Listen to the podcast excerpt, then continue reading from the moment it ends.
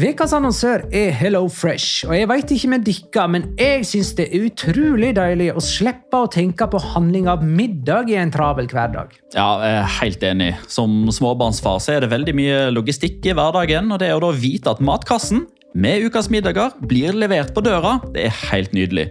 Da slipper du impulskjøp på butikken når blodsukkeret er lavt, og når du kommer hjem, kan du bare ta ut posen med dagens ingredienser fra kjøleskapet og sette i gang matlaginga.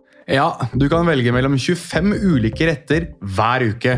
Og de har faktisk en egen kategori som heter Raskt og enkelt, med masse enkle og gode oppskrifter. Veldig greit å ikke måtte ty til takeaway hver gang det er hektisk på jobb. Jeg gleder meg spesielt til sterk chilikylling i min neste kasse. Jeg blir sulten bare av å tenke på det. Ja, Det er ikke feil med bacon og cheeseburger heller, da. Og det som også er bra, er at matkassen koster det samme hver uke, som gjør det enklere å holde matbudsjettet. Ja, og så blir det ikke matsvinn heller, fordi du får akkurat det du trenger til hver eneste rett. Hello Fresh kan absolutt anbefales, og bruker du koden vår, LIGALOCA, kan du få opptil 1779 kroner i rabatt på de fem første matkastene hvis du ikke har prøvd Hello Fresh tidligere. Du kan også prøve koden hvis du har avslutta abonnementet ditt for tolv måneder siden eller mer. Gå inn på hellofresh.no og bruk koden LIGALOCA. Bon appétit! Hallo? Jeg kommer fra Oslo politikammer. Ine Jansen er purk. Er du purk? The motherfucking bitch. Alt jeg vil, er å finne ut hva som skjedde med mannen min. Jon Carew. Er jeg sikta for noe? Iben Akeli. Det er du. Ole So, Lars Berrum og Big Daddy Karsten. Hvem sin side er du på, egentlig? Anette Hoff, Tone Danielsen, Kommer du fra Afrika? Jørnis Josef, Nesten. Kløfta. Trond Espen Seim. Det er synd å si det, men det var feil mann som døde. Purk. Premiere tirsdag på TV2 Play.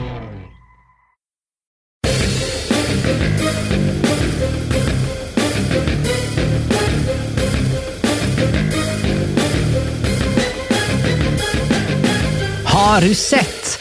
For to år siden trakk Spania Norge i EM-kvalikgruppa si, og vi satt i dette studioet og snakka om det nye Spania som skulle ta opp arven etter det gamle. Men hvor varig og holdbart ble egentlig det spanske laget som møtte Norge to ganger i 2019? Er de fremdeles i fornyelse? La liga loca. En litt gærnere fotball. Ja, ja, ja. Dette er La Liga Loca episode 134 av Det ordinære slaget med Jonas Giæver, hei. Shalom! Petter Wæland, hei. Hallo! Og Magnar Kvalvik, hei. Hei, Magnar. Halla, Magnar. Nei, men skal vi ta en diskusjon på denne landslagsveka her, eller? Jeg kan jo skyte ut uh, med en gang at eh, jeg føler henne litt mindre verdifull enn de andre landslagsvekene sånn opp gjennom tiden. Uh, jeg har jo egentlig blitt glad i Nations League, men akkurat nå så syns jeg dette var fryktelig unødvendig. Ja, og det har vel kanskje bakgrunnen eh, av det som skjedde her i Norge, og ikke nødvendigvis med spanske blikk. Kanskje gikk hele landslagspiffen ut av meg i det ja. Han Sergej der, Milinkovic-Savic. Savic eh, chippa inn 2-1 i ekstraomganger. Ja. Da ble landslagsfotball plutselig helt fullstendig meningsløst. I feel you. Det kan hende det var det som slo inn. Vi er best når det gjelder. Ikke like mye som du gjorde et par dager i forkant. Men eh, Nei, men det er jo noe med dette med, med denne koronaen. da. Det er jo egentlig litt sånn spennende. Hvor mange er det som kommer tilbake nå til ligaspill eller ligafotball generelt, med covid-19 i kroppen? liksom? Ja, Godt poeng. egentlig. Ja, men vi, vi har jo faktisk vært inne på det før i forbindelse med spillerpresentasjoner i sommer, og med en gang det var litt sånn ferieslipp, så skjøt jo tallene i, i været. Så nå um, Ja, ikke sant? vil jeg jo tro at de aller fleste har vært innenfor ganske sikre rammer. Vel, I hvert fall de som er i de forbundene med størst ressurser, og som chartrer fly til alle involverte og bor på superstrenge hoteller osv. Men uh, det skal vel ikke se bort ifra at uh, noen spillere fra kanskje litt uh, lavere rangerte nasjoner kanskje kommer tilbake igjen med litt større større smittemulighet. Prøver du å si at Ansu Fati hadde hatt større smittefare i Guinea-Bissau, og Adama Traore hadde hatt større smittefare i Mali? Det var ikke mine ord. Jeg bare spør. Uh, en annen faktor Jeg vil tro at ingen av de spanske landslagsspillerne kommer tilbake med covid-19. Det kan jeg si. En annen faktor her er jo at i en sesong der programmet er mer tettpakka enn noensinne, så lurer de jeggu inn tre landskamper på ei uke. Til og med en privatlandskamp. Til og med privatlandskamp. Det, det, det, det, jeg det, det, ikke det var lenger. kvitt. Nå så jeg halsen, altså hovedpulsåret på, på halsen din stramma seg, Magnar.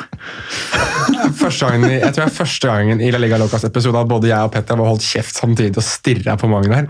Ja, Men jeg er nei, helt- den andre, andre gang. Hva første? Den, den første gangen, da skulle, vi jo holde, da skulle vi jo holde kjeft uansett, da, men det var introen til den eh, overgangsvinduet når det var caps lock på hele introen. Ja, stemmer det. Tines beste intro. Det er helt riktig. Men, eh, ja, jeg, men jeg er jo litt enig i akkurat det. Altså, var, var det ikke det Nations League ble skapt for? At det ikke lenger skulle være sånn, sånn som Spania og Portugal? da. Som er, altså, Beklager, altså, men det er som å se maling tørke mesteparten av den kampen der. Det er 20 minutter mot slutten som er litt spennende, syns Ja, men du så nå ikke den? Han gikk jo samtidig med Norge-Serbia. Jeg hadde den på i bakgrunnen. Ja. Nei, den gikk ikke samtidig. Jeg kan ta ulike... Å ja, det gjorde han faktisk. Ja, jeg hadde den i hvert fall på i bakgrunnen. Jeg husker ikke om jeg hadde den på PC-skjermen eller TV-skjermen til slutt, men eh, den var i hvert fall på. Nei, for det er jo greit nok at det, du hadde noen kamper eh, på den torsdagen, da, fordi at det var playoff liksom, til EM. Men må alle landslag spille fordi at noen gjør det? Det virker som om jeg bare lurer inn noen privatlandskamper fordi at det er noen få landslag som er i aksjon i viktige kamper. Jeg antar at det er for å ha et likt grunnlag som alle andre til å sanke inn sånne koeffisientpoeng ja, til. Fifa-rankingen. Så det, det er nok for en grunn, eh, men så kan man jo diskutere opp og ned og vente om det er verdt det. Vi skal snakke mer eh, om mer enn landslagsfotball i dag, altså. Eh, vi har, jeg har nå limt inn noen lytterspørsmål i eh, dokumentet mitt eh, her. Eh, Innunder kategorien smått og stort. Eh, I tillegg så har jeg en siste nytt eh, bolk. eh, som eh, dreier seg om ligafotball, men jeg tror vi, skal begynne med landslagsfotball, faktisk. eh, og der mer presist eh, Spania, som altså har spilt eh, tre kamper i Sea Nations League-gruppa. Dette er jo A4. Nivå A, gruppe 4. Eh, Spania topper den gruppa med sju poeng. Tyskland har fem, Ukraina har tre, Sveits ett. Og den siste kampen eh, Spania spilte, var jo mot eh, Sveits eh, på Alfredo Di Stefano-stadionet i Madrid. De vant 1-0 etter et, sk- et mål skapa i San Sebastian. Mikkel Merino assisterte Mikkel Oyarzabal. Eh, Oyarzabal har jo skåra i de to siste kampene han har spilt for Spania. Ja, med litt tid imellom. Ja, et år cirka. Eh, han skåra nå, også mot Romania i november 2019. Eh, og eh, som jeg hinta om i introen her, altså føler jeg jo at Spania fortsatt er i en sånn her fornyelsesperiode. Det var sju ganske unge spillere fra start i denne elveren her. Jeg nevner jeg eh, Pau Torres fra Villarreal i midtforsvaret. Eh, José Luis Gaia på venstre bekk. Han er riktignok 25, kanskje den eldste av de kommer til å nevne. Eh, Mikkel Merino på midtbanen ved siden av Busquets. Anso Fati, Dani Olmo og Ferran Torres danner den trioen bak Mikkel Oyarzabal, som av alle ting var midtspiss.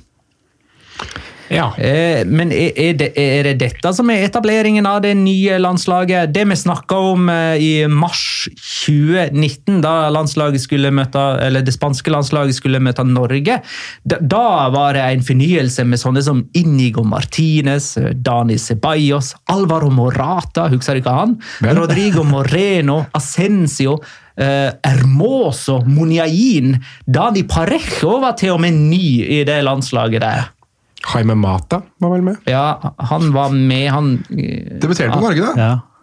Han gjorde det. Kom innpå. Jaime Mata, stemmer det? Nå, Ikke Juan. jeg, jeg, bla- jeg blanda med Juan. Ja. Jaime Mata, stemmer. det? Han Mata. debuterte der, han. Han gjorde det. Vi har sett debuten til Og halvannet Jaime Mata. år seinere så er det egentlig et helt nytt spansk landslag igjen. Ja, det er jo den jeg tenker som på en måte jeg savner på det spanske landslaget, og som var den spilleren jeg kanskje var mest imponert over for Spania, er jo Fabian Ruiz. Han var jo den spilleren jeg tenkte at eh, hvis Spania skal bygge midtbane sånn for framtiden, så må man i hvert fall inkludere han. Og nå skal jeg være såpass ærlig at jeg vet ikke helt hva status er på ham. Om han er skada, eller om han ikke har prestert noe særlig i Napoli. Fabian Ruiz. Eh, han fikk ikke lov til å spille, han. Eh, han fikk ikke lov til å forlate Napoli pga. dette covid-19-utbruddet. Er det der. det som er grunnlaget for det? Ja. Ok. For jeg har liksom ikke fått noe inntrykk av at det var noe skade eller at han har vært noe dårligere enn vanlig. Nei da, Han Napoli. fikk rett og slett ikke lov. For han var vel med i opprinnelig tropp, han? Det var han Mm -hmm. Ja, ja, nettopp. Nei, men um, Det er liksom den spilleren jeg har savnet sammen med at jeg, jeg vet at kanskje noen har stilt spørsmål om det også, men at Saul ikke er mer inkludert, syns jeg er rart. Ja, Verken Saul eller Kåke fra Atletico. Altså, Kåke er jo fortsatt ikke Han er jo faktisk heller ikke med på den oversikten på, eh, på Wikipedia over recent call-ups. Så lenge siden er det Kåke har vært landslagsspiller nå. Er det nå jeg skal komme med den brannfakkelen om Kåke? At jeg skjønner ikke hva, hva som er greia med at folk savner han. Skjønner, altså han, han er ok. Kanskje han bare rett og slett er en Simione-spiller? Ja, jeg, jeg tror at han, Da han var en del år yngre, så hadde han virket som han hadde noe helt spesielt ved seg.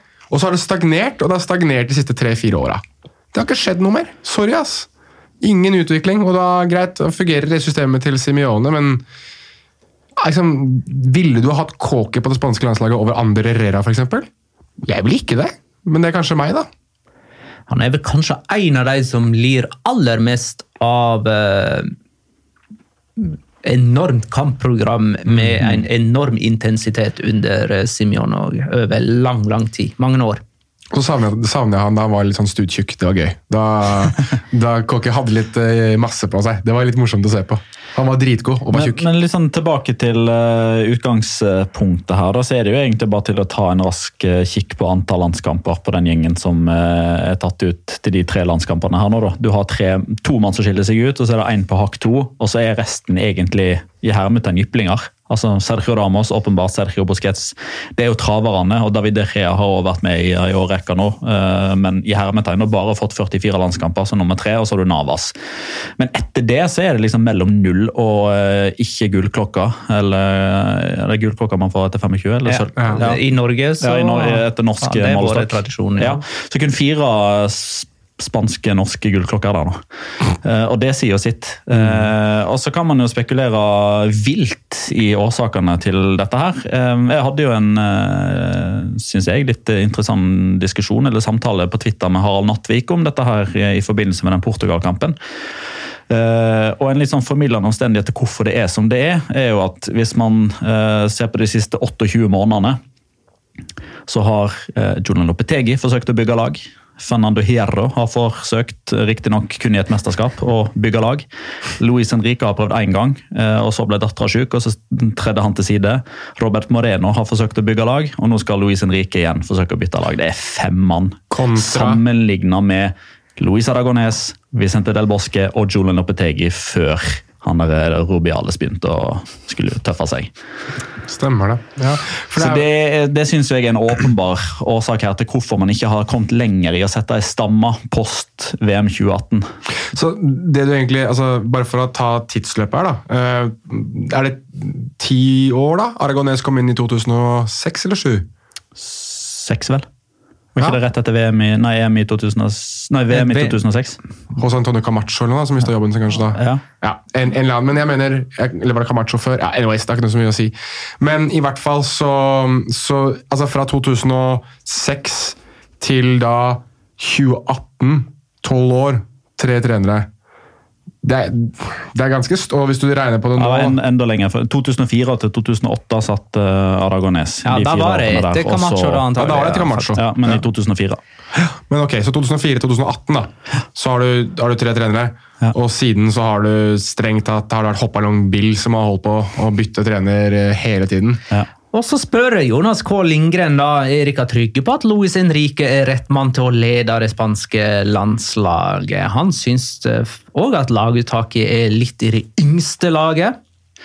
Jeg er ikke trygg på det, eh, men jeg er typ eh, som eh, en som jobber delvis med spansk fotball og er glad i spansk fotball, så tror jeg ikke jeg ville valgt noen andre ut ifra hvem som er tilgjengelig og hva som er realistisk. Men det er litt med Spania som det er med Barcelona. At det liksom alltid leter etter den her særspanske måten å liksom spille fotball på. En eller annen sånn identitet i spillestilen til Spania som skiller dem fra alle andre. Er, er det noe sånt?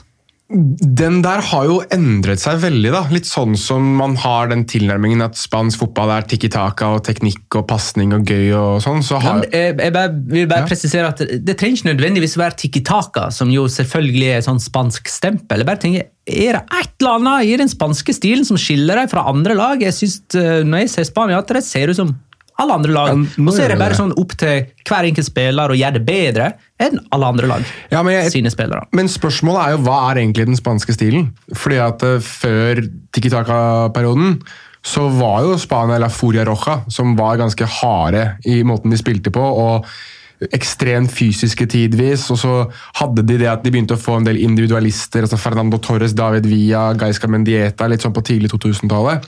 Men før det så var de jo knallharde alltid med Manolo Sanchez og Fernando Hierro og var måte på. Eh, Ja, ja, men det er jeg enig i det. Eh, Men under Lopetegi i de beste periodene her, så, hadde, så var det noe sånn her teknisk briljans over det. det. Var liksom da Isco drev og herja og bare varta vilt opp med teknikk. og Jeg følte at det, det var den spanske identiteten i det laget, liksom. Mens under Del Bosque så var det kanskje mer sånn tikki-taka-variant. Jeg føler Spania er øh, de, de forsøker å være det Barcelona var for Luis Henrique, men de har ikke MSN der framme. Ikke sant?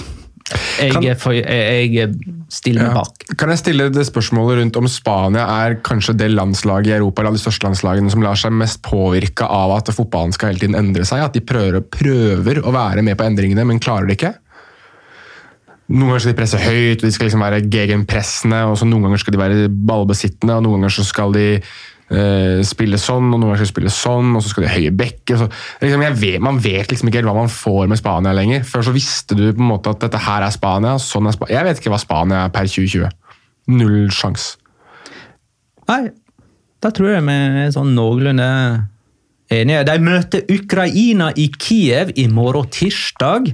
Eh, og da vil jeg jo tro at det er masse endringer på laget igjen, for eh, man bruker sjelden den samme For å omformulere det, man eh, skifter gjerne mye eh, fra elver til elver når kampene kommer så tett. Sjøl i tellende kamper, som det er nå med Nations League. Færre Finnsland. Lurer på hva vi tror er Luis Henrique sin toppa elver.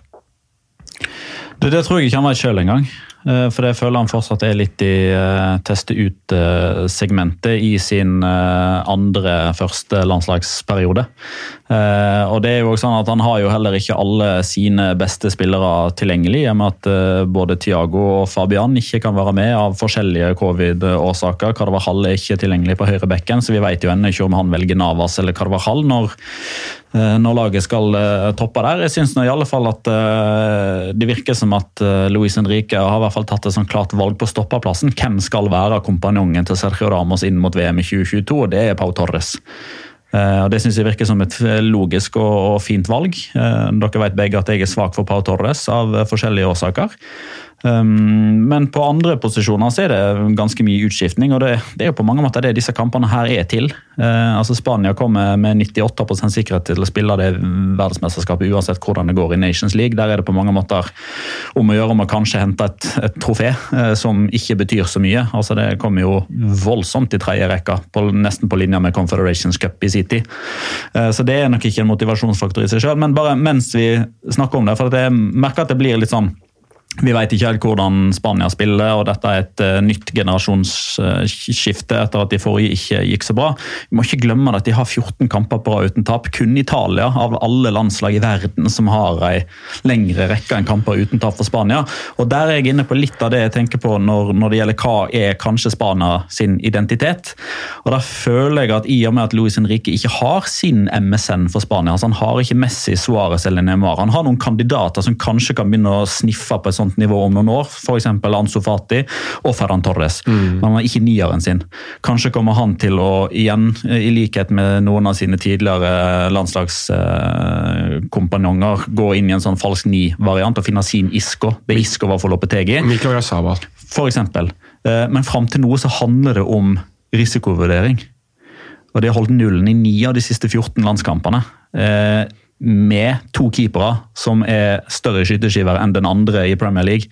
Altså David De Gea og Kepa. Eh, Riktignok Kepa i langt større grad nå da, som, som skyteskiver som ikke forstår for Chelsea osv har holdt nullen i 9 av 14. og Det handler om at man i søken etter å finne de spillerne som gjør at man kan sprudle offensivt, så handler det om ikke ta så veldig stor risiko. Hold på ballen, ta de trygge valgene. vinner, eller Mister man ballen, så skal man inn i gegenpress. og Det gjør at man kanskje sitter igjen her med et inntrykk av at vi vet ikke helt hva Spania er, for det virker som at de er en blanding av uh, gegenpresset til Liverpool, uh, Tiki Taka-forsøkene til Aragones og Del Bosque, eh, Luis Henrique forsøker å kopiere seg sjøl fra Barcelona, og miksen av det har man kanskje ikke fått fullt utbytte av ennå, men jeg syns det er mer enn godt nok, sånn som ståa er. Ja, det er, det er fotballens Frankenstein-monster, da. Det er det. Du, altså jeg, jeg, hvis du setter Spania i, i, i, et EM nå, og skal sette opp hvem som er favoritter, så er Spania i en kategori under typ Frankrike.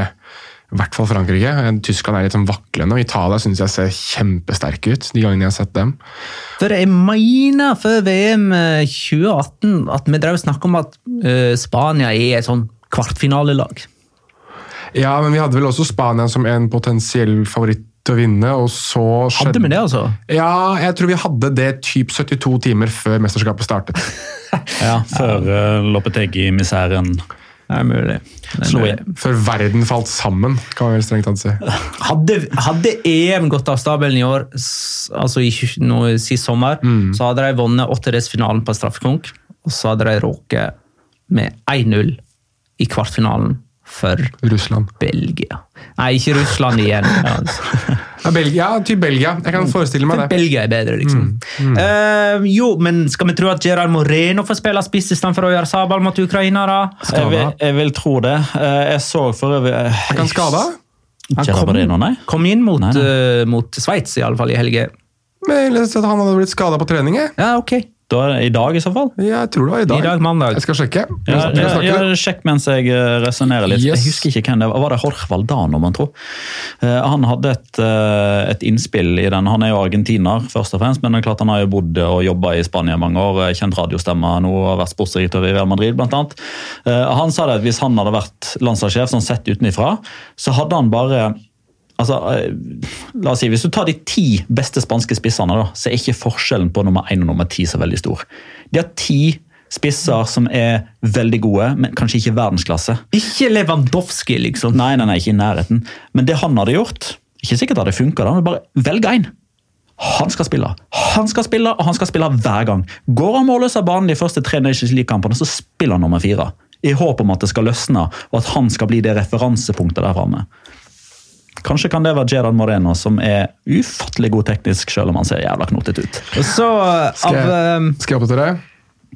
Det, Villarreal har bekreftet det i dag. At uh, tras las pruebas realizadas se confirma que Gerard Moreno sufrió un daño la, la, la, la, el tiempo recuperarse og så, videre, så, videre. så han er ute med skade, og det står i saken til Marca at Villarreal mister Gerard Moreno uh, i den kommende måneden. Den saken Oi. ble publisert 12. Da kan man heller ikke spille mot Valencia til helgen, du. Jeg tror ikke de trenger henne for å slå det møkkalaget der. Det fikser Paco Alcácer. La Ladel X, tro meg. Ja, det høres sånn ut. Men uh, en av de spillerne som likevel får mest oppmerksomhet, da, som vi ikke har nevnt ennå, det er jo faktisk Adama Traoré. Ja.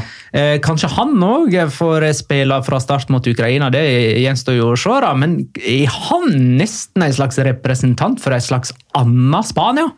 Altså, Kontring, muskler, direkte stil. er liksom Bare feie ballen framfor seg og springe etter alt man makter. Dyt, ja, eh, smøre armene sine med olje så ingen kan gripe tak i dem, mens han sjøl kan dytte dem veggimellom. Louis ja. Henrique sier at han ikke trener vekter. Det er genet som gjør at han har så store ja, han har muskler. Sagt, han har sagt det selv òg, at han trener ikke vekter. og, ja, den sliter jeg med. Og han får de bicepsene der. Ja, ja, han, på, altså, han, trener ikke vekter, og jeg er ikke på Tinder. Det er liksom de, de to det er Ja, Nei, jeg er ikke på Twitter, så Ja, nettopp. Hva er det jeg eh? Du ser ikke på film? Jeg ser ikke på film. Okay. Du har, vet, vet, ikke hva film er engang, du. Så ille er det. Ja, ja filming. Prøve å få til seg straffespark. Det er, eh, men, Men kan han være en representant for et annet Spania Ja. enn det vi er vant til å se? yes, og jeg synes um, det, er, jeg, det er kanskje en av de få positive tingene med å se liksom, Spania. Jeg synes det er så gøy å se på Adama Traoré. Han, for at det er liksom du, du er vant med at Spania er metodisk og beveger ball. og liksom venter på Så har du bare den her linebackeren av en fotballspiller som bare Én vei rett fram! Flytt deg om du kan! Det er liksom, altså han, og det som er så gøy med Adama Traoré, også, er det at det, han har liksom kanskje en tofotsfinte her og der, eller så er det bare at han bokstavelig talt løper ned motstanderen. Og det er så gøy å se på. Og jeg tenker jo det at eh, for Spania inn mot mesterskap og Nations League og sånn Tenk deg ja, spille mot lag i 70 minutter, og så bare setter du inn på han der Bo Jackson-wannabeen her, som bare kan løpe ned motstanderen i sånn typ 20 minutter. Pedro på steroider. Ja, det er mye steroider òg, da. Ja. Ja, ja, det er, ja. Men, men Pedro var jo liksom den som skilte seg ut i troppene i EM i 2012 og VM i 2010, som var den som kom inn og strakk. Ja. Godt poeng. Sander Samuelsen skriver heilbaskisk aften på Di Stefano. Eh, Fortsetter Merino og Oyarzabal trenden og leder Lareal til seier i en kamp mellom to realt spennende lag. Vel, han sikter da til kommende helgs oppgjør mellom Real Betis og Real Sociedad, som vi skal tippe på seinere. Så der får du svaret, da, Sander. Spanende. Spanende. Vi legger Spania bak oss, for å si det sånn.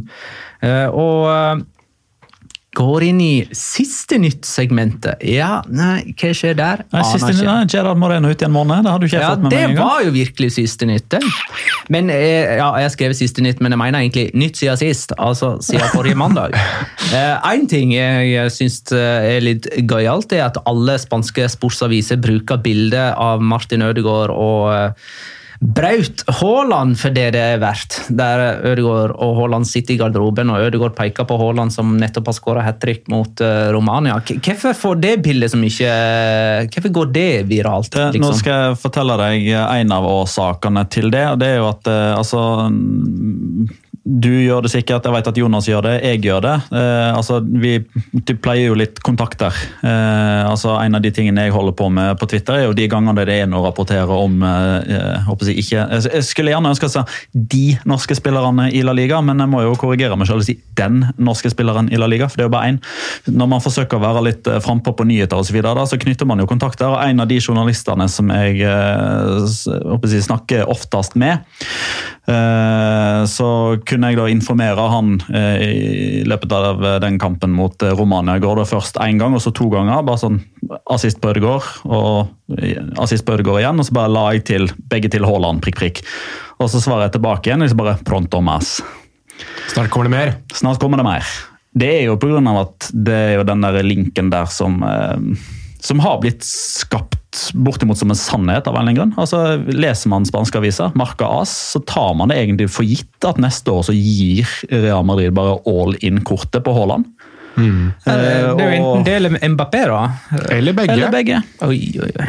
Okay. Ja, men, men jeg har jo sagt det en episode eller to siden, at jeg, jeg blir ikke overraska om, om det som var den sommeren her nå, med tanke på altså, hvordan Real Madrid har fungert på overgangsvinduet, at de har solgt og renska den troppen sin mest mulig for å da sommeren 2021 ha det de kommer til å få av inntekter av TV-pengene, samt inntektene av salgene, og så bare gå absolutt all in for å hente både Mbappé og Haaland, og så skape da et sånn slags vidunderlag som skal spille på nye eh, Eller ikke nye, vel, men i hvert fall eh, Hva heter det for noe? Re, re, refurbished? Hva blir det for noe på norsk?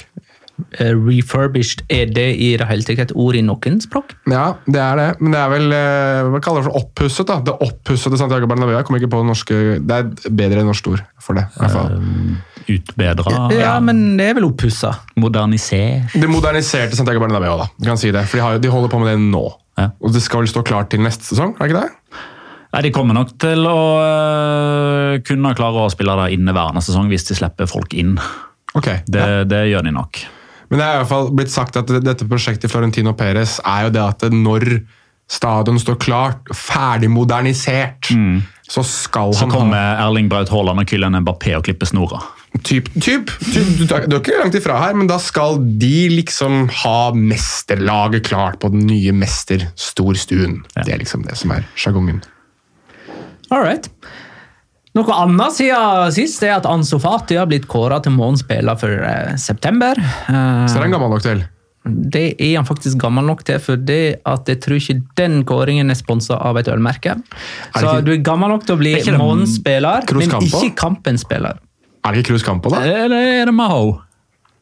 Ja, jeg tror det var et ølmerke der òg, skal jeg være helt ærlig. Jeg trodde det var et ølmarked der òg. Ja, et, for ett år siden så var det jo Martin Ødegaard. Da må den kåringen diskvalifiseres og takes på nytt.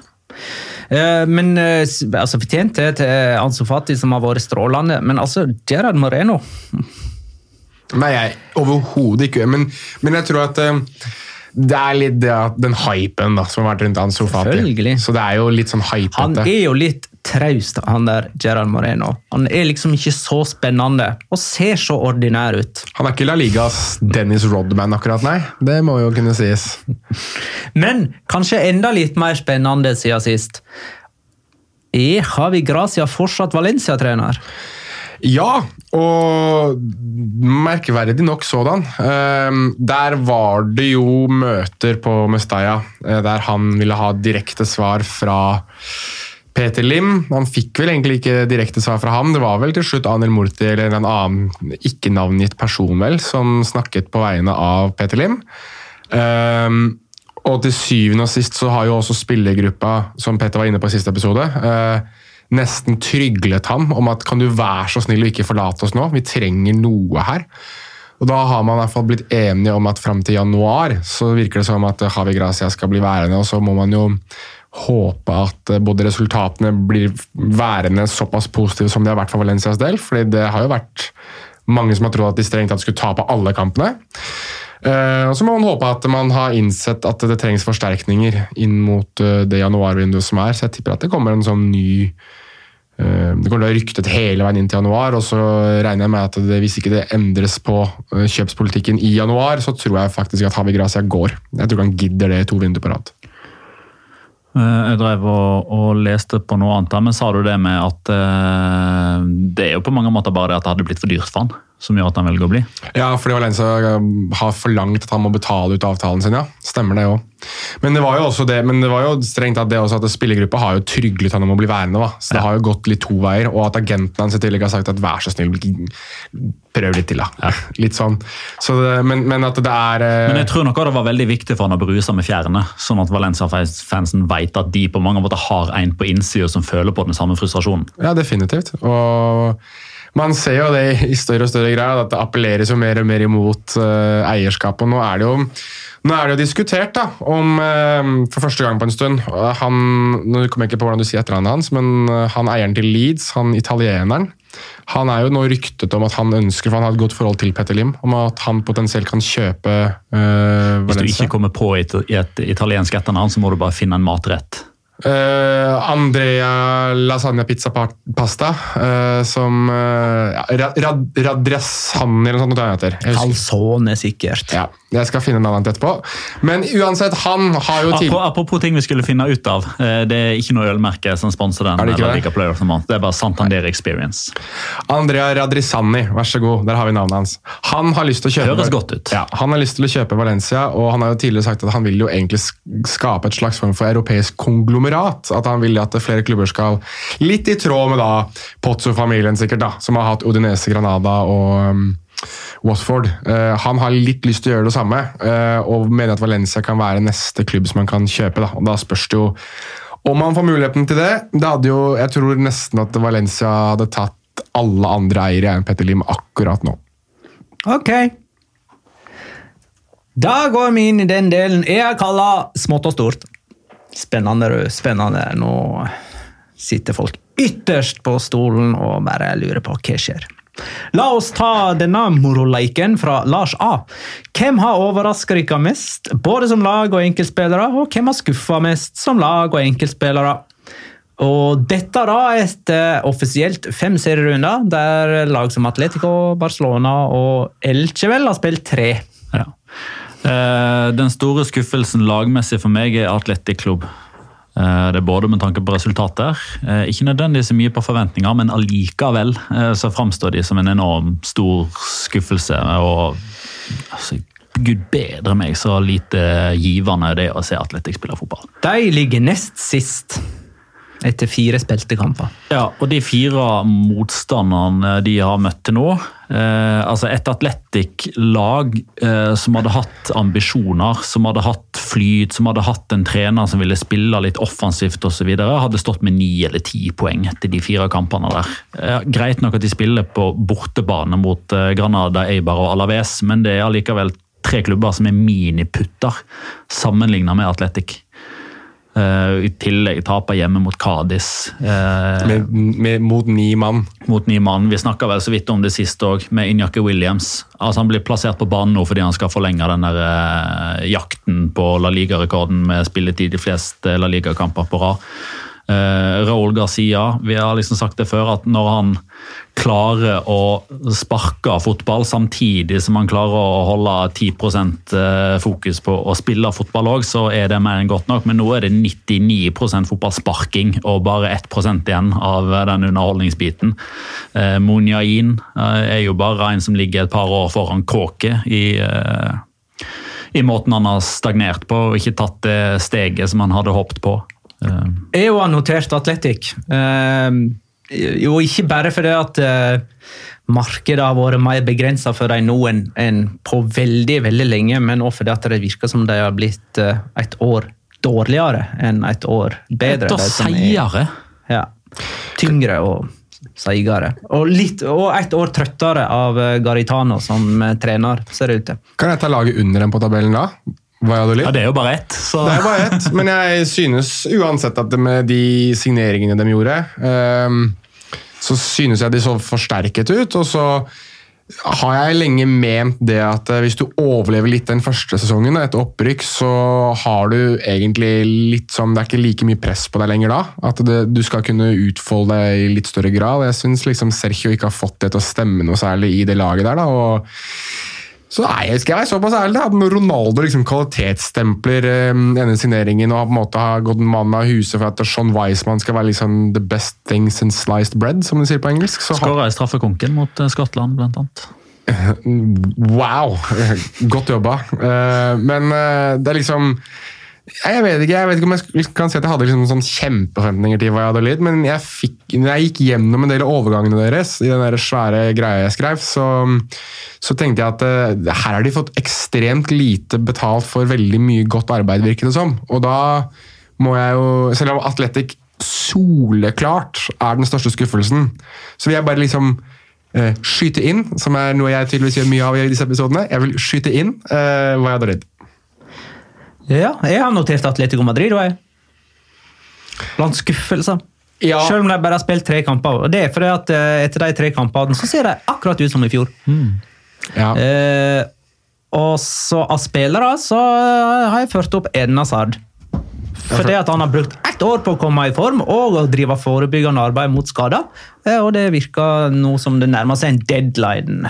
Ja, altså Nå er òg begeret nådd for min del med tålmodigheten på Antoine Griezmann. Han er for meg en skuffelse. Barcelona ser eh, egentlig friskere ut enn hva jeg hadde sett for meg, og jeg er glad på Filipe Coutinho sine vegne, for han klarer å plukke opp denne hansken.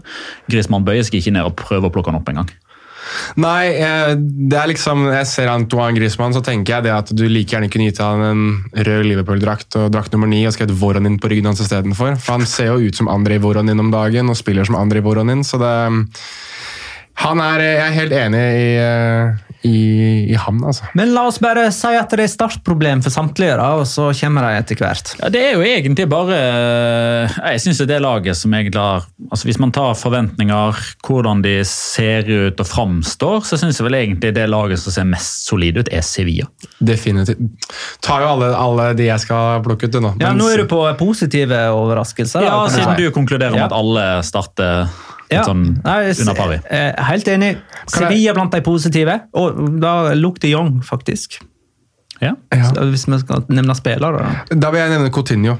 Da vil jeg nevne Coutinho som en positiv overraskelse. Petter var inne på det her nå i stad, men jeg satt og tenkte da sesongen starta at nå, det er nå eller aldri. altså. Det er liksom, Nå må du virkelig vise. Og han ser piggere ut, han ser mer motivert ut, han ser sterkere ut, han ser bedre fysisk trent ut, han ser mer seriøs ut og bidrar mer til det Barcelona-laget. Og jeg tror um, altså det, er, det er sent, men tydeligvis veldig godt. Jeg håper for Coutinho sin del egentlig, at han faktisk finner seg selv litt i det Barcelona-laget. fordi når han virkelig begynner å spille sånn som han, han kan, da, så er det få spillere i La Liga som er morsommere å se på enn ham.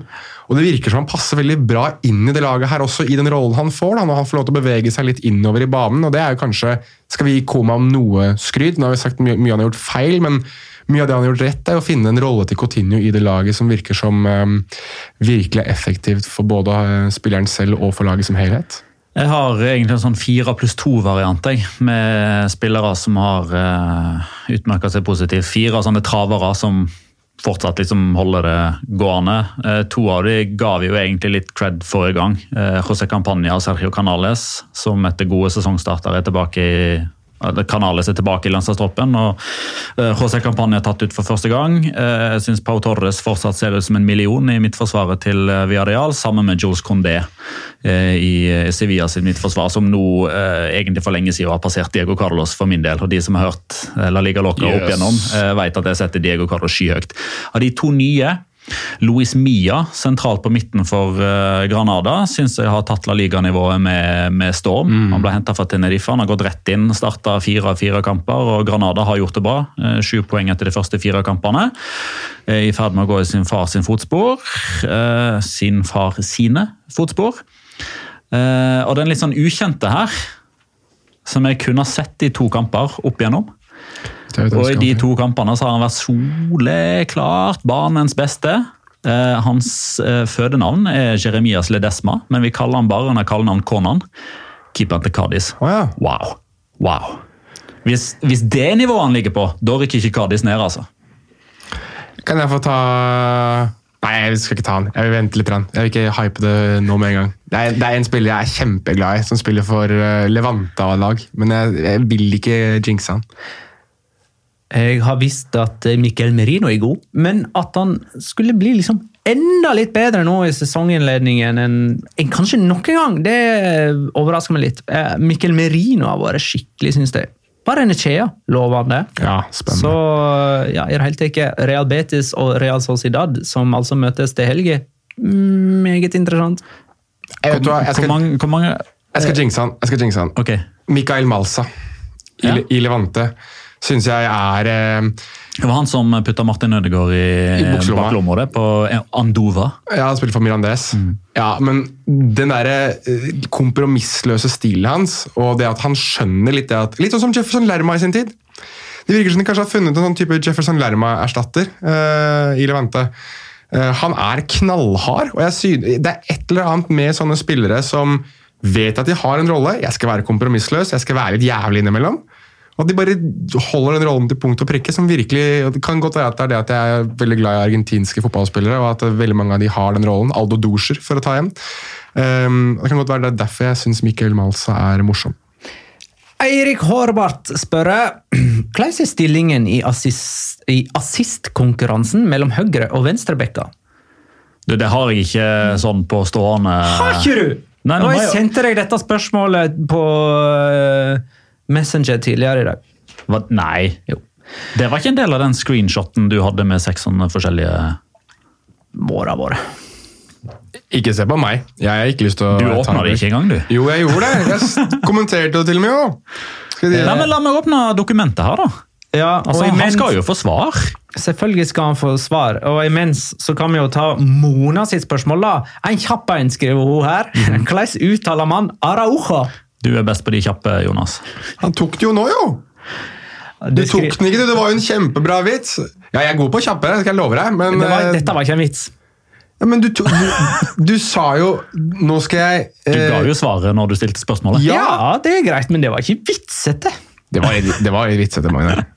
Men jeg syns uh, uttalelsen din er jo spot on. Det er jo sånn jeg ville gjort det. Araujo. Du legger trykk på U-en, og så skal du litt opp igjen på O-en. Ja, eh, altså det skrives Araujo. Mm. Og uttales Araujo. Hun er jo eh, Barcelona-fans, eh, fan, sånn som jeg forstår det. Eh, Så hun tenker sikkert på han unge, eh, som på en måte er nummer tre i Barcelona-midtstopperkøen, Ronald Araujo. Men så har hun en i Celta Vigo neste år, som jo òg er midtstopper. Ja, og Han Eh, ser ut som midtstopper. Så, og Araujo er et navn å jobbe med. Er det noen andre navn som er egentlig verdt å jobbe med? Sånn, godt når du stiller spørsmålet, Er det noen navn som liksom man sliter Jeg, jeg syns Asenjo er litt vanskelig. Eh, Ja. Ja, men Jo, jo, men jeg, og- men jeg tenker, jeg vet at det er mange som sliter med visse navn, men er det noen navn som vi sliter med å si? ja. Ok, Eh, Ja, som ja. sagt, jeg syns Asenjo er litt vanskelig. den skjønner jeg. Jeg må konsentrere meg hver gang. Ja, nei, altså du uh, hadde jo en uh, 21-åring som Ja. debuterte for Eibar her. Uh, Nei, nei, nei, nei, men glem han, da. Det, den, er, den er Ja, for men la, la meg prøve. Onai. Arietalenais Beskoa. Eller noe sånt. Ja. Vi kaller han for Onai. Men har du noen andre som ikke er sånn, som du har alltid slitt med? Sånn som er sånn Han klarer jeg ikke. Garantert, men det å komme på det nå Uh, Nei, uh, ikke spør meg om det. Nå holder jeg på å telle uh, målgiverne Ja. fra høyrebekker og venstrebekker. Jeg, hadde, jeg kan godt ta min. Jeg slet i lang tid med fornavnet til Iniesta. Fordi jeg hadde, Da jeg var liten, så kjente jeg en som het Andres. Altså Man uttalte fornavnet hans Andres. Så jeg har alltid liksom hatt det i ryggmargen at det er Andres istedenfor Andres. Som det er åpenbart det er Andres Iniesta, det er ikke Andres Iniesta. Jeg tror jeg sa Andres Iniesta i alle år han spilte. Det, er- det skjønner jeg. Jeg hadde kommet som min Andres, hadde forlanget hadde Andres. Andres Iniesta. Nei, Andres Iniesta. Jeg vet det, Ja, må du dra sånn på den e-en? Ja, det er, jo, Andres. det, er jo, det er jo apostrof eller uh, ja, men Du trenger ikke E. dra på han for det, vel? De har jo bare korte vokaler i Jo, men tryk, trykket skal være der. Andres. Jo, det er greit, men du, du, kan seire, si det, Nei, du kan okay. si det som om det er en dobbel S på slutten. Andres. Ja. Ja, det kan du. Uh, Ayala. Ayala har jeg sagt feil i alle år. der ser du. Det riktige er Ayala. ja. Ayala, er det noe som sier- folk sier. Ja. Ja, det sier jeg i alle år. Ja, jeg vet. Fram til noen gjorde meg eh, oppmerksom på det. Og så har du selvfølgelig da Pochettino, Pochettino, Pellegrini, Pellegrini, Pellegrino, Pellegrino. Calleri, Calleri, Ja. Calero. Pellegrini er fortsatt litt usikker. Både Pellegrino og Pellegrini er fortsatt usikre på Er det Peie? Nei. Det er Pelle. Fordi de er uh, italiensk etta. Ja. Samme med uh, Men denne her er vrien. For det her, her kan du si begge. Mascherano og Mascherano. Du kan si begge to. Ah, ja. Så lenge man ikke sier Mascherano. Sier du Mascherano, så da kan du ta det direkte tilfart og hoppe inn i helvete. Um, Mascherano sier han selv. Uh, vi kan ta dette spørsmålet fra Cocorinho. Um, han, eh, dette var jo i forbindelse med overgangsvinduet, da, han registrerte at det var spillere både fra La Liga og Segunda som hadde blitt frigitt, og dermed sto uten kontrakter. og Om det da fantes navn som faktisk kunne vært mulig og interessant å hente til Eliteserien, blant de som altså har fått sine kontrakter terminerte. Uh, og det kan vel du gi oss et svar på, Jonas? Jeg kan godt prøve, i hvert fall. Uh, jeg tror vel Ja, men Du kan jo egentlig begynne med reglementet.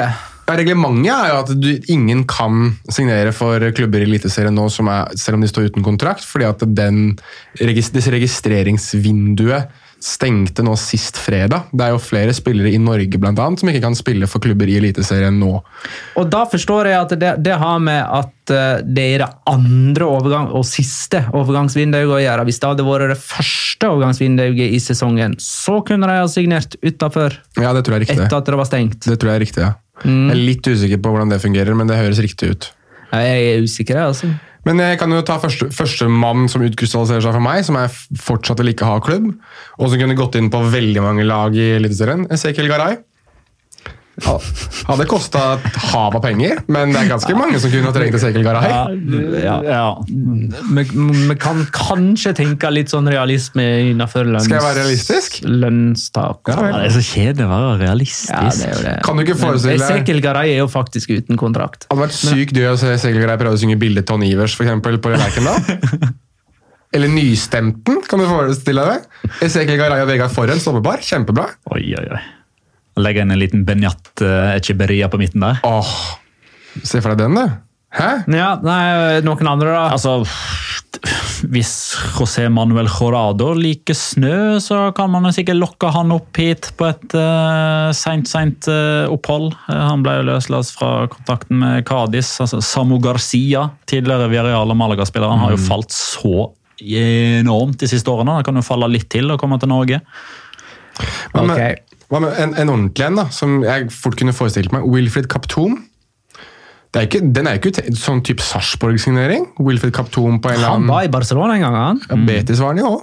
Ja, stemmer. Ja, Det er han han er løslatt eh, fra. Ja, så jeg, det er sånn korttidskontrakt. Litt sånn som Hva het han for noe? Han som var i Pa Dembo Nei, Ba. El Haji Ba, som spilte i Stabæk. Han hadde også vært i league Ø, og så hadde han hatt eh, kontrakten sin ferdig, og så fikk han komme på et korttidsopphold i Stabæk. Okay. Har vi svar på Eirik Horvath Ja. sitt eh, spørsmål? Det har vi. Hvordan er stillingen i assistkonkurransen mellom høyre- og venstrebekka? Tradisjonen tro Høyrebekkene leder 8-4. 8-4. Det er dobbelt så mange målgivende fra høyrebekka som venstrebekka. Og den eneste bekken i La Liga 2020-2021 som har to målgivende til nå, det er Navas. Ja. Ja, der har du det. Uh, Andreas uh, Seipejärvi eh, skriver Kleis er ståa med tanke på publikum i La Liga og signaler om eventuelle endringer? Det der eh, var det jo ganske mange, spesielt i, i Baskaland, altså i San Sebastian, som ble veldig eh, blide og fornøyde når de så at eh, Uefa åpna opp for eh, opp mot 30% på gruppespillskamper i Europa League. Men uh, smittesituasjonen i Spania som land eh, er jo såpass uh, alvorlig nå at uh, det kommer neppe nasjonale myndigheter til å tillate. Så vidt jeg har fått med meg, så er det én region, og det er Extremadora, som har uh, åpna opp for at det kan være publikum til stede på idrettsarrangementer. Og typisk nok, eller nei, egentlig ikke typisk nok heller, men så skal man kåre én region som er uh, fullstendig evneveik i fotball, Extremadura. Så det kommer ikke til å ha noe å si for verken La Liga eller Liga Adelante. Ja, nei, nettopp. Men uh, jeg hørte på The Spanish Football Podcast uh, tidligere i dag, og der sa de jo det at det kommer jo ikke til å ha så altfor mye å si egentlig for de to øverste divisjonene, for det er fortsatt TV-pengene som styrer veldig mye av det. At det, man kan kanskje nesten være litt tjent på at folk må se kampene på TV. Det er jo i de to øverste divisjonene, altså alt under, der må man ha folk inn på tribunene for å få inn litt matchday-inntekter. så det er jo en sånn diskusjon som åpenbart er mellom eh, Fotballforbundet, Rubiales og La Liga, eh, Tebas. Altså det er igjen da, at det vil jo gange det, eh, Fotballforbundet i større grad å ha publikum på, mens det kanskje ikke ganger de to øverste divisjonene så mye. Gagner. Gagner, takk skal du ha. Gagner, gagner. Se, der fant vi igjen et ord jeg ikke er så god på. Til gagns, ikke til gangs, for eksempel. Jeg, jeg følte bare for å si det. Nei, det er greit at du retter på Eh, Skal vi ta en liten update på det Max uh, Unnskyld, Mats Veksel Vekselsen uh, lurer på? eh, Mistillitsforslaget mot Bartomeo. Ja, da har man jo kommet et steg videre. Eh, dette dette styret som er oppnevnt, har jo nå godkjent tilstrekkelig nok eh, sånne stemmesedler, eller signaturer, er det vel det kalles. Som jo eh, gjør at man har kommet til steg tre. Eh, nå skal det jo da etter planen bli innkalt til avstemning. Der alle stemmeberettiga Sotios, eh, eller Barcelona- Barcelona-medlemmer, da må møte fysisk opp et eller annet sted, eller et eller flere steder i Barcelona og avgi si stemme. Eh, og Der er det jo to sånne hovedkriterier som gjelder. Det er jo at eh, den totale deltagelsen i avstemninga det må være me- mer enn 10 av de totale antall medlemmene som stemmer for at det skal være gyldig. Og så må to tredjedeler da eh, svare ja på spørsmålet om de vil at styret må gå. Det nåværende styret. Så de har kommet et steg videre. Barcelona, altså klubben Barcelona, har jo nå gått til det skrittet og avlyst eller utsatt den eh, ordinære generalforsamlinga, fordi de, de mener at det ikke er mm, korrekt å eh, ha en sånn type ansamling av mennesker, sånn som smittesituasjonen er. Og det er ganske mange av kritikerne til Barcelona som klubb som mener at dette er bare et ledd i deres forsøk på å og da få utsatt denne avstemninger som jo fordrer, ut ifra hvordan statuttene er, at da må du møte fysisk opp. Du kan ikke stemme over internett. Eh, du kan ikke sende f.eks. én mann for å levere 1000 stemmer. Eh, alle må møte opp. og det er klart det, Når man da sier at minst 10% av en medlemsmasse som er veldig veldig, veldig stor, det betyr at det er minst, altså minst 10 000 mennesker som må inn på ett eller flere steder for å avgi stemmer. Det gir noen eh, logistikkproblemer med tanke på å holde avstand osv. Så, så, vi får se hvordan det går. Men det virker som at eh, altså, dersom planen er at Bartomeu skal bli styrta, så virker det som at man er på god vei. Eh, man er eh, bedre rusta denne gangen enn forrige mistillitsforslag, som òg kom mot Bartomeu i 2015, var det vel. Um, og så spekuleres det jo òg i at Bartomeu rett og slett ikke har lyst til å bli den første Barcelona-presidenten i historien som blir styrta, så det spekuleres nå i at han kommer til å tre til side sjøl. Så vi får se. Eh innenfor temaet Barcelona. Geir Halvor Kleiva lurer på hvem denne amerikaneren som Barcelona har signert er. Fortell litt om han. Det er andre gangen eh, på rad at eh, Geir Halvor Kleiva spør om Serginio Desta. Eh, og jeg las jo en meget fin artikkel om han i The Athletic forrige uke, så man kan jo vise til den, for så vidt. Da, da kan jo du fortelle, du. Jo når han skal gå i fotsporet til Dani Alves, så virker han like typete som Dani Alves. Eh, og så husker jeg ikke helt detaljene i den artikkelen, altså, men eh, det, han eh, spilte eh, I Ajax da, så spilte han fotball for at han syntes det var gøy. Og det å ta imot instrukser og, og taktiske beskjeder, det var ikke han så god til. Han var mer sånn straight forward, gjøre ting på min måte. Høres jo ikke umiddelbart ut som en match med han og Koman, da. Men uh, han har jo vokst på det, da. Blitt litt mer ja. mottagelig for de instruksene. Ja, jeg skal være så ærlig å si at uh, Sergino Dest uh, både kunne og kanskje burde jeg ha sett enda mer av i Ajax. Eh, det som er Problemet er at når Ajax spiller fotball, uh, så er det som regel en Bundesligakamp eller en La Liga-kamp. Når Ajax spiller i Champions League, så er det som regel et spansk lag eller en annen kamp som er hovedkamp i, i studio. så Da, da blir det med høydepunktene osv. Uh, men akkurat i sånne tilfeller så er jeg ofte mer enn tilbøyelig til å legge hva skal jeg si, mitt Eh, inntrykk over på andres inntrykk, og rett og slett stoler på de. Jeg vet at Christian Karlsen setter Serginio Dest høyt. Skrev om han for ISBN, blant annet. Som en av de fremadstormerne som hadde bytta klubb nå i løpet av eh, vinduet. Så det er jo helt åpenbart at har du gått Ajax-skolen og har den bakgrunnen Barcelona velger å hente han, så er det helt åpenbart at det ligger noe der. Ja, altså det er et par interessante ting da, som setter dette i en viss sånn historisk spennende kontekst. og Det at han skal liksom eh, følge i Daniel Alves sine fotspor. Man, altså, man får jo det presset på seg når man skal være høyreback i Barcelona. Og så er han jo tidenes første amerikaner i Barcelona. Eh, selv om han vel Han er født i Nederland med ei eh, nederlandsk mor, men med amerikansk far og har valgt USA. da. Det blir kult når Barcelona signerer ny høyrebekk i 2061. Jeg håper han kan ta opp arven etter Daniel Alves. Det er to, ja. Er jo, han kunne valgt tre nasjoner, han, hvis jeg ikke husker helt feil. Han kunne jo valgt Nederland, han kunne valgt USA og han kunne valgt Surinam. Og Det er, fordi, det er ikke fordi at moren er surinamesisk nederlender, som veldig mange altså Gini Wijnaldum osv. er. Karen Sedorf. Karen Sedorf, Virgil van Dijk osv. Patrick Leifert. Patrick Leifert. Ja. Uh, men det er faktisk faren hans som er amerikansk-surinamesisk, som mm. må være første gangen jeg har hørt om. Um, bare en sånn kuriosa der. Men de har jo også en annen amerikaner som det snakkes om nå. Conrad de la Fuente. Ja. Han har vel ikke debutert, da. Nei, så Derfor var Dest den første amerikaneren som mm. debuterte. ja. Så, eh, men altså, Conrad var jo der allerede. Fan fantastisk navn. Conrad de la Fuente. Det er jo et nydelig navn. da. Er, uh, han spiller for Barca B nå, og det snakkes om at uh, han vel kommer til å muligens få en sjanse, i hvert fall, da, på kanskje innhopp eller kanskje noe sånt. Noe. Han er jo født i USA av foreldre fra Haiti. Stemmer.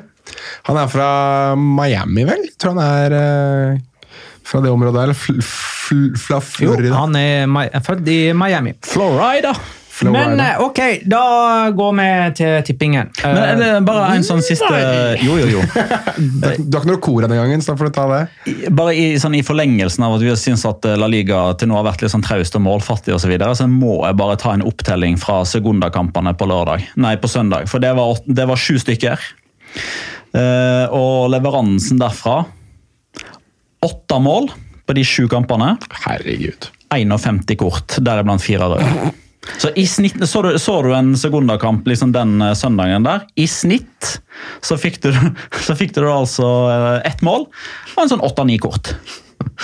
Jeg tror eh, i, I hele runden så var det vel bare i én kamp at begge lag skåra, og den endte 1-1. Selvfølgelig. Eh, Ja, det var Fuen Labrada mot uh, Castellón. Ja, og så var det kun to lag som skåra to mål. Det var Mirandes og Cartagena.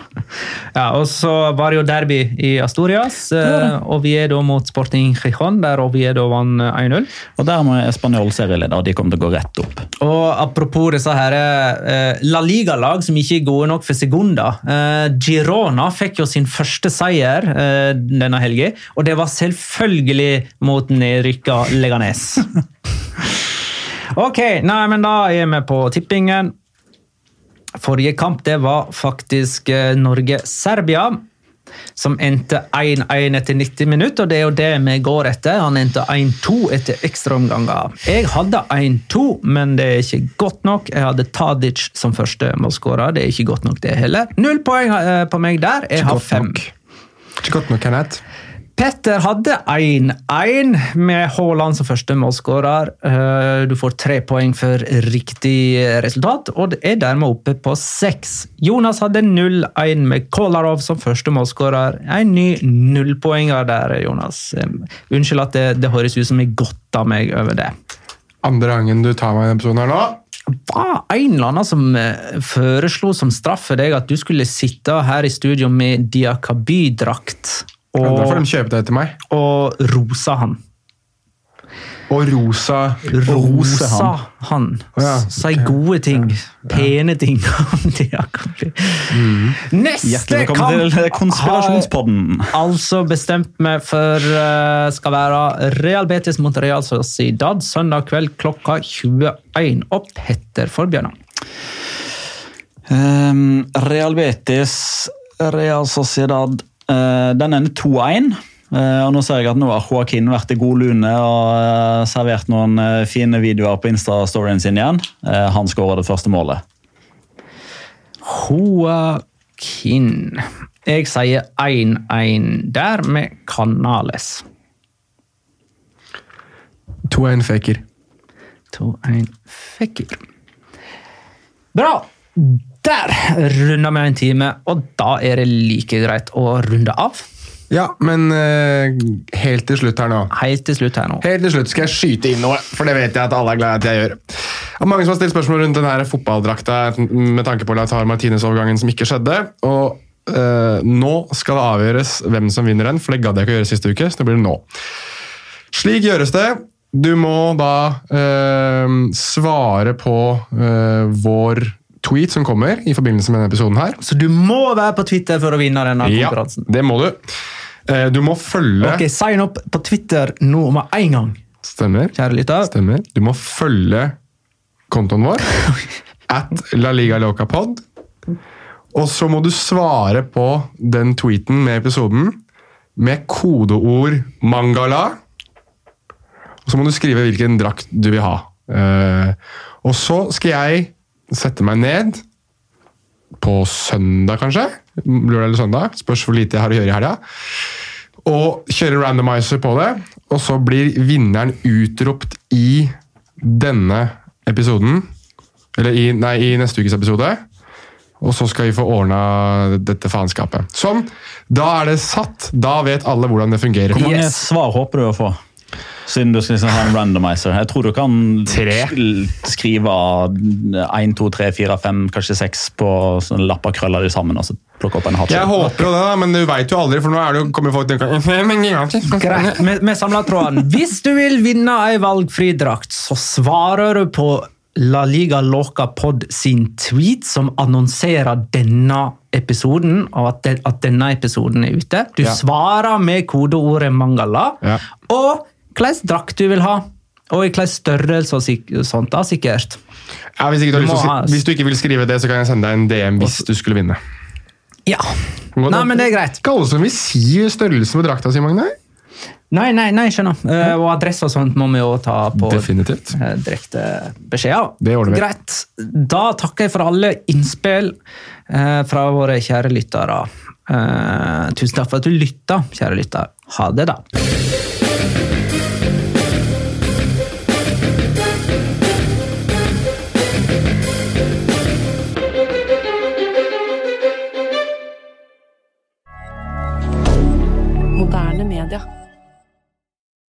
Har du et enkeltpersonforetak eller en liten bedrift? Da er du sikkert lei av å høre meg snakke om hvor enkelt det er med kvitteringer og bilag i fiken, så vi eh, gir oss her, vi. Fordi vi liker enkelt. Fiken superenkelt regnskap.